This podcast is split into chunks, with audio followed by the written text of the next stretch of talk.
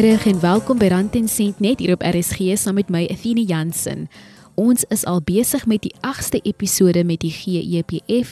Ons het 'n reeks van 13 episodes waar ons die lede en pensionaarsse goed inlig oor die regeringsdiens en pensioenfonds. Jy is welkom om jou vrae te stuur na die SMS lyn 889 teen R1.50. Onthou ons saai nie regstreeks uit nie, maar ons moedig jou aan om jou vrae te stuur wat die GEPF dan volgende week sal beantwoord. Jy kan ook 'n e-pos stuur na my athena.jansen6@gmail.com. Amelia Hartzenberg is 'n kliëntediensbeampte van die Regeringsdiens en Pensioenfonds, beter bekend as die GEPF. Sy het verlede week 'n paar vrae van die lede en luisteraars beantwoord. Sy kuier weer vandag op Rand en Sent om uit te brei op vandag se vrae. Welkom terug Amelia. Baie baie dankie.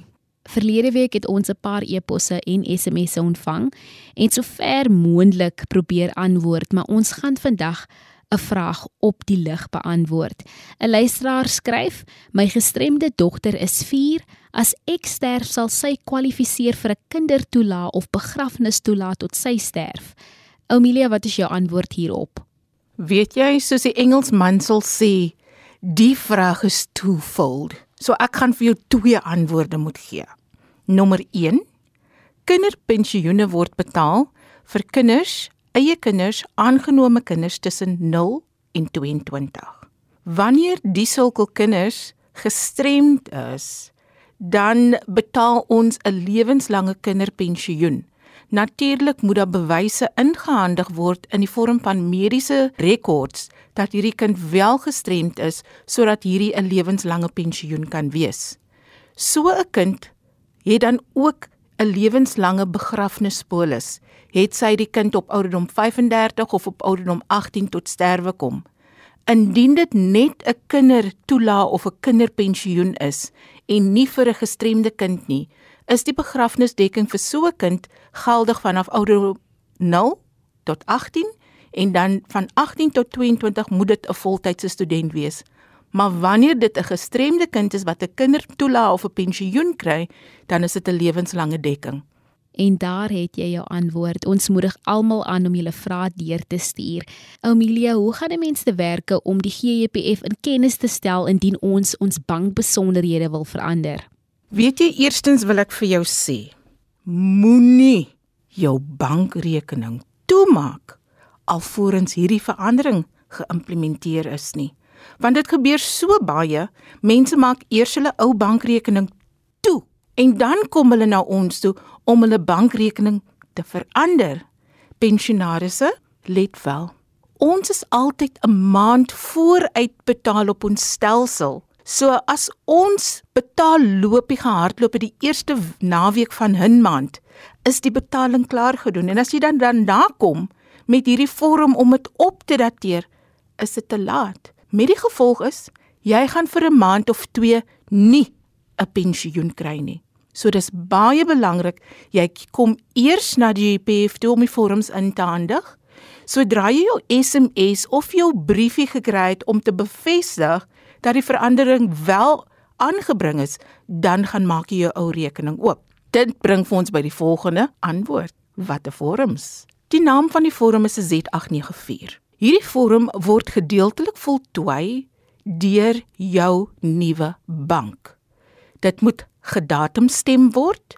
Dit moet geteken word deur die bankoffisieel wat u help en jy moet dit ook teken jou besonderhede, adres en telefoonnommer daarop sit vir fika doeleindes. Asseblief mense, daar is 'n blokkie waar jou duim afdruk moet kom en in Engels sê hulle dis compulsory. So dit moet daar wees.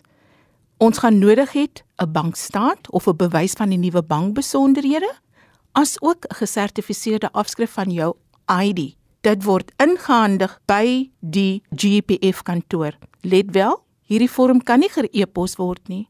Dit kan nie gefaks word nie, want ons benodig die oorspronklik voltooide vorm. Hoekom is dit so belangrik om die verandering van persoonlike besonderhede op te dateer? Weet jy, Tine, ons is mos 'n administrasiemaatskappy. Wat beteken?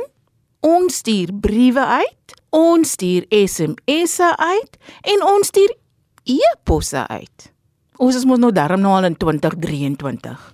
Nou raai wat? So tydjie gelede besoek ek my hoofkantoor in Pretoria. En jy het seker nou nie idee ons ons uh, kantore lyk nie, maar dis 'n ou hospitaalgebou. So met ander woorde, dit is breë wye gange. Ek kon nie eers in daai gang reg loop nie van die manier van bokse wat in die gange staan. Ek het een van my kollegas gevra, "Wat is dit?" Want nou is ek bietjie geïrriteerd want ek val amper oor my voete, want ek dra mos hoë skoene. en hulle sê vir my, "Omelia, dit is return to sender dokumentasie." So, as ons 'n dokument vir elke lid pos, 1.5 miljoen lede, kom amper 'n derde van hy dokumentasie terug. Wat beteken dis 'n vermorsting van geld? My lede kry nie die inligting wat hulle veronderstel is om te kry nie, so jy mis uit. Die vorm wat jy kan voltooi om hierdie inligting op rekord te verander is 'n Z864. Maar weet jy, vorms is mos eintlik ook maar oudtyds. Want ons het hierdie wonderlike GEPF app. Jy kan jouself registreer daarop en dit is dan 'n manier hoe jy jou besonderhede in 'n oomblik kan opdateer by die GEPF. So om nie uit te mis op jou nuusbriewe nie, om nie uit te mis op jou voordele state nie en baie belangrike press releases. Daar's so baie rumors wat die rond te doen. So jy sal die waarheid uit die GEPF se mond hoor indien jou kontakbesonderhede op datum is by ons. Rand en sent word met trots aan jou gebring deur die SABC opvoedkunde in vennootskap met die regeringsdiens en pensioenfonds vir ryk denke vir ryk lewens. Amelia, hoekom moet die nominasievorm op datum gehou word? Jy verwys nou na 'n nominasievorm. Ek verwys na hierdie vorm as jou stem vanuit die graf. Want dit is basies waarvoor ons hom gebruik. Wanneer jy as lid tot sterwe kom, wanneer jy as pensionaris tot sterwe kom en jy is in die eerste 5 jaar nadat jy afgetree het, gebruik ons hierdie vorm om te sien wie jy wou gehad het jou doodsvoordeel moet kry.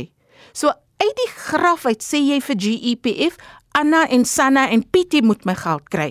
Maar dit is baie baie hartseer om te erken dat amper 50% van ons doodgevalle het nie nominasievorms op rekord nie. So met ander woorde, dit sê vir my my lede gee nie om nie en op die einde van die dag is GEPF maar die slegte mense wat nie doodseise wil betaal nie. Maar niemand vra, het hierdie lid of hierdie pensionaris gedoen wat hy of sy moes gedoen het terwyl hy nog gelewe het, sodat wanneer die lid tot sterwe kom, wanneer hierdie pensionaris tot sterwe kom, kan die GEPF die lid se wens eerbiedig. Ek moedig elke lid aan om so gou as moontlik seker te maak hy of sy het wel 'n nominasie vir hom op rekord sodat dit die uitbetaling van 'n doodsvoordeel soveel makliker kan maak vir die GEPF. Om aan te beweeg na 'n volgende onderwerp en dit is mediese fonds. Wat is die kwalifiserende kriteria vir 'n mediese fonds subsidie? Weet jy die kwalifiserende kriteria moet ek in twee dele hanteer. Nommer diegene wat afgetree het met meer as 15 diensjare moes hulle gehad het, goewerment diensjare. Diegene wat met swak gesondheid afgegaan het, moet ten minste 10 pensioendraande diensjare het. So dis die eerste been, die totale diensjare wat jy moet hê wanneer jy met pensioen gaan. En dan die tweede been gaan wees dat jy moes vir 12 aaneenlopende maande voor jou uitdienstree datum die hooflid gewees het van 'n goedgekeurde mediese fonds. So met ander woorde, jy kon nie afhanklike gewees het van jou man of jou vrou se mediese fonds nie, jy moes die hooflid gewees het. So as jy hierdie twee boksies kan aftik, dan voldoen jy aan die kriteria en jy kan die nodige vormpies voltooi en aansoek doen vir hierdie mediese subsidie. Wat gebeur met die mediese fonds subsidie in die geval van dood in diens voor die ouderdom van 50? Hierdie mediese subsidie is aanvanklik geïmplementeer vir pensionaarsse. So byvoorbeeld ek is getroud met Kevin, julle weet dit seker by die tyd al. As Kevin tot sterwe kom, hy werk ook vir die regering en hy is 40 jaar oud. dan kan ek as Oumilie eers aansoek doen wanneer Kevin sou 50 geword het. Sou hy nie afgesterf het nie, maar hy het ouderdom 40 afgesterf. So ek kan aangaan met die medies, maar ek sal dan nie medies uit my eie fonds uit moet betaal want hy was 40 gewees. So wanneer die oorledene, dit is nou Kevin hè, as hy die ouderdom 50 sou bereik het, dan eers kan ek aansoek doen vir 'n mediese subsidie. Ek hoop dit maak sin want baie min mense weet hoe dit werk. Indien jy nou net ingeskakel het, ons is besig met 'n reeks in samewerking met die Regeringsdiens en Pensioenfonds waar ons lede en pensionaars beter inlig en ook hulle vrae beantwoord. Onthou ons is ook beskikbaar op die DStv se audiokanaal 813 en OpenView kanaal 615. Gesels saam op Twitter gebruik die hitsmerk rand en sent en volg ons by ZARSG en jy kan ook jou vrae stuur wat ons graag volgende week sal beantwoord na die SMS lyn 45889 teen R1.50 of stuur 'n e-pos na my athena.jansen6@gmail.com. Amelia Hartzenberg, 'n kliëntediensbeampte van die GEPF kuier vanmiddag by Rand en Sent om al jou vrae te beantwoord. Amelia, kom ons beweeg die fokus na egskeiding. Hoe werk dit by die GEPF as 'n lid skei? Moet die eksgade van die pensioen ook kry en hoeveel? Weet jy as ons gewoonlik sulke vrae kry, dan sal ons sê ons weet nie. En dan kyk die lede vir ons met groot oë aan. Dan dink hulle ons is sarkasties, wat nie die geval is nie. As jy skei, dan gaan jy mos hof toe. Jy en jou gade. Ek sal sê julle gaan beklei dit nou eintlik uit in die hof. En nadat die bekleiering nou verby is, dan reik die hof 'n dokument uit. Hmm. Finale egskeidingshofbevel as ook 'n skikkingsakte. As jy nie vir ons die skikkingsakte en die finale egskeidingsbevel kan gee nie, kan ons nie vir jou sê of die eksgade 'n eis kan insit al dan nie. Hmm. Maak dit sin wat ek sê? Mm -hmm. Dan moet ek 'n stapie terug gaan en vir jou gou verduidelik wat die Divorce Act sê. Die Divorce Act sê wanneer hierdie dokumente opgestel word, moet daar basies 3 goed in hierdie dokument verskyn. Andersins kan die GEPF niks doen met ander woorde ons kan nie 'n eksgade uitbetaal nie. Nou dit is die volgende 3 goed wat in hierdie dokument moet verskyn. Nommer 1, die naam van die fonds. Dit kan nie net sê pensioenfonds nie. Dit moet pertinent sê GEPF vir julle Afrikaanse mense GEPF, nê? Nee. Nommer 2, die bedrag of die persentasie moet in hierdie dokument deurgegee word wat die GEPF moet betaal aan die eksgade. Nommer 3, die laaste enetjie. Die GEPF moet basies opdrag gegee word om die eksgade te betaal en om die rekord van die lid op te dateer met hierdie betaling en dat daar wel 'n betaling betaalbaar is aan die eksgade. So met ander woorde, hulle gee ons 'n opdrag om die eks te betaal. As een van hierdie 3 bogenoemdes ontbreek in hierdie dokument, kan die GEPF nie betaal nie. So wat dan? Ons sal altyd aanbeveel dat dokument moet dan soort van aangepas word. Ek weet nou nie wat die Afrikaanse woord is nie, maar hulle praat van 'n litigation order. En hierdie litigation order kan nie net deur een party aansoek voorgedoen word nie. Dit moet deur twee persone. So albei moet weer terug aan hof toe om die regstelling te doen en dan kan die aangepaste dokument by ons ingehandig word. Wanneer kan 'n mens se uitdienstree dokumente ingedien word indien hy of sy wil aftree?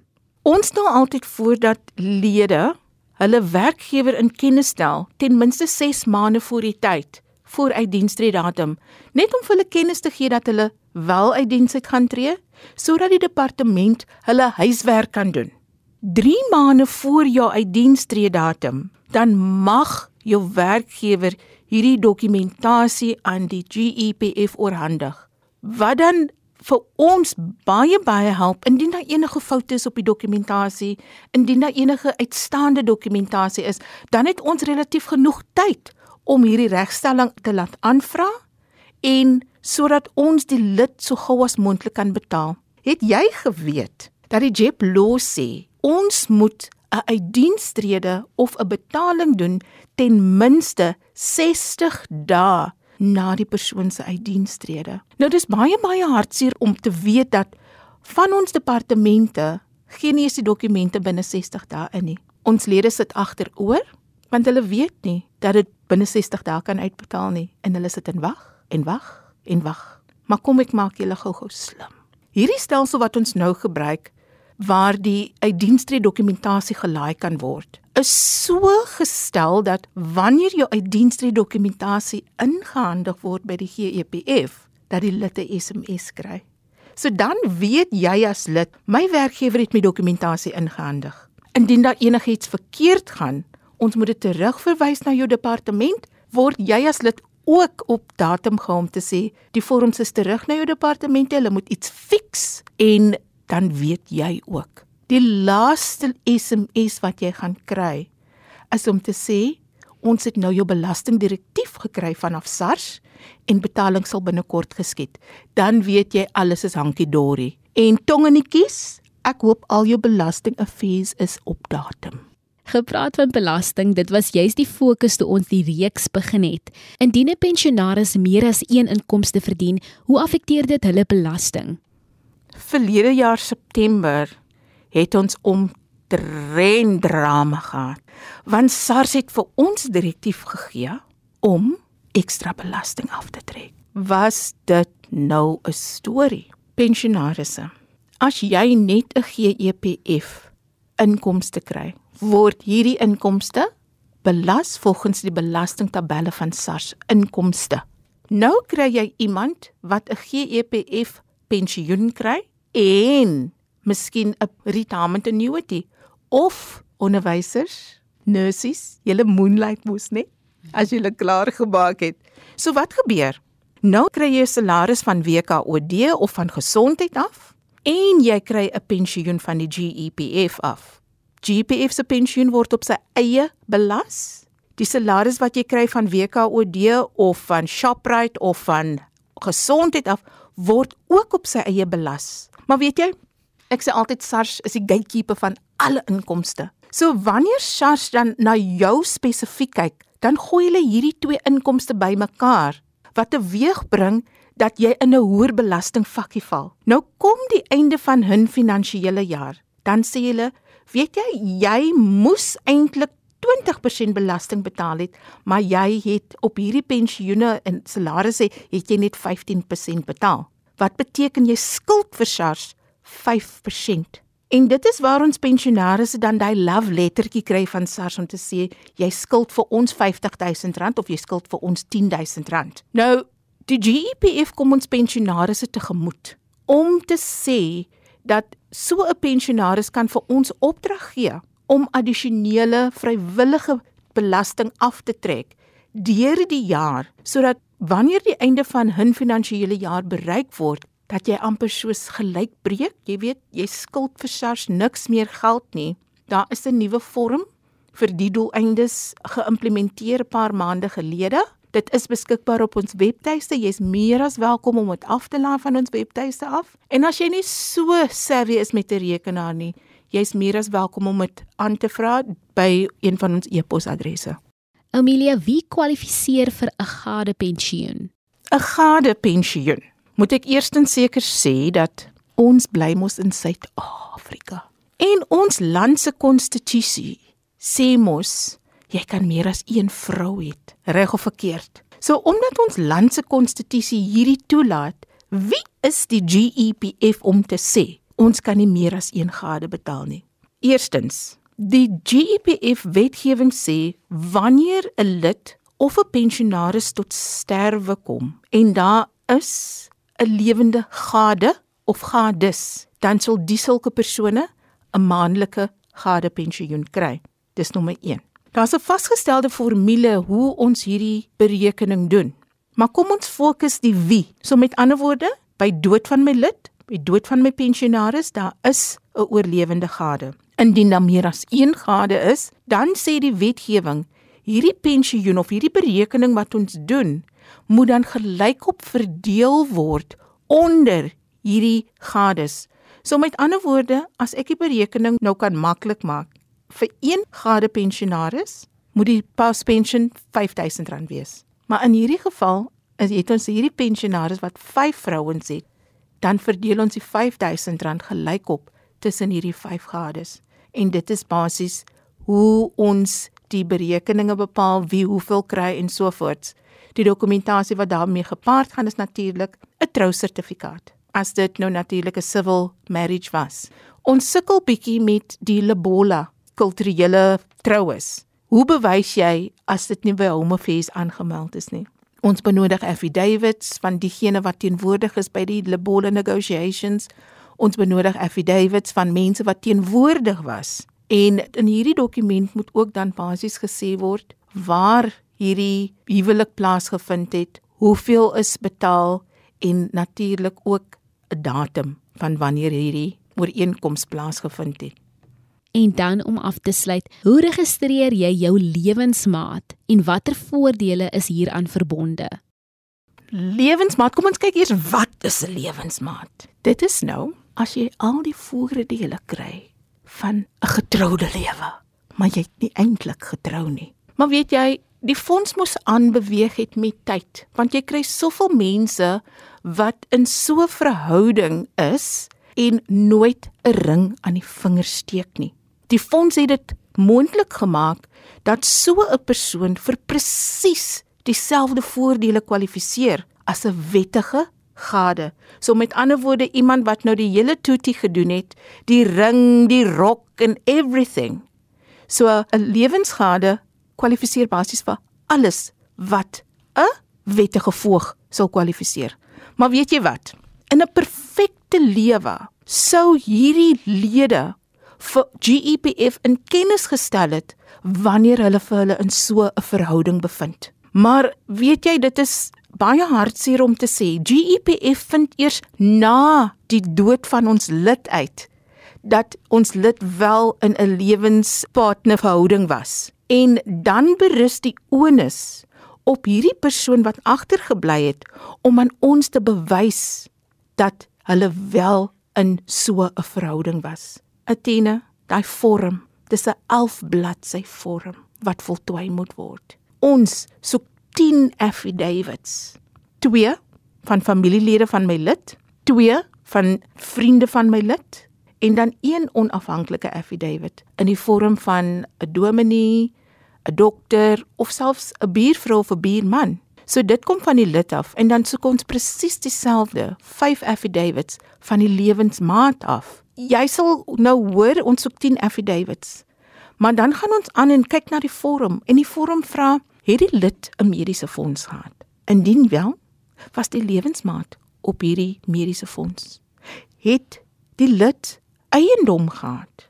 In wie se naam is die eiendom geregistreer? Is daar 'n testament? Word die lewensmaat in die testament genoem? So jy kan sien die vraag wat gevra word, dit is baie baie intens. Die enigste ding wat nie gevra word nie is wat is die bloedgroep van die mense. Verderdan wil hulle alles weet, want onthou, hierdie voordeel verbonde aan hierdie lewensmaat aansoek is 'n lewenslange pensioen vir hierdie persoon. So ons moet 120% seker maak dat dit wel 'n ware storie is.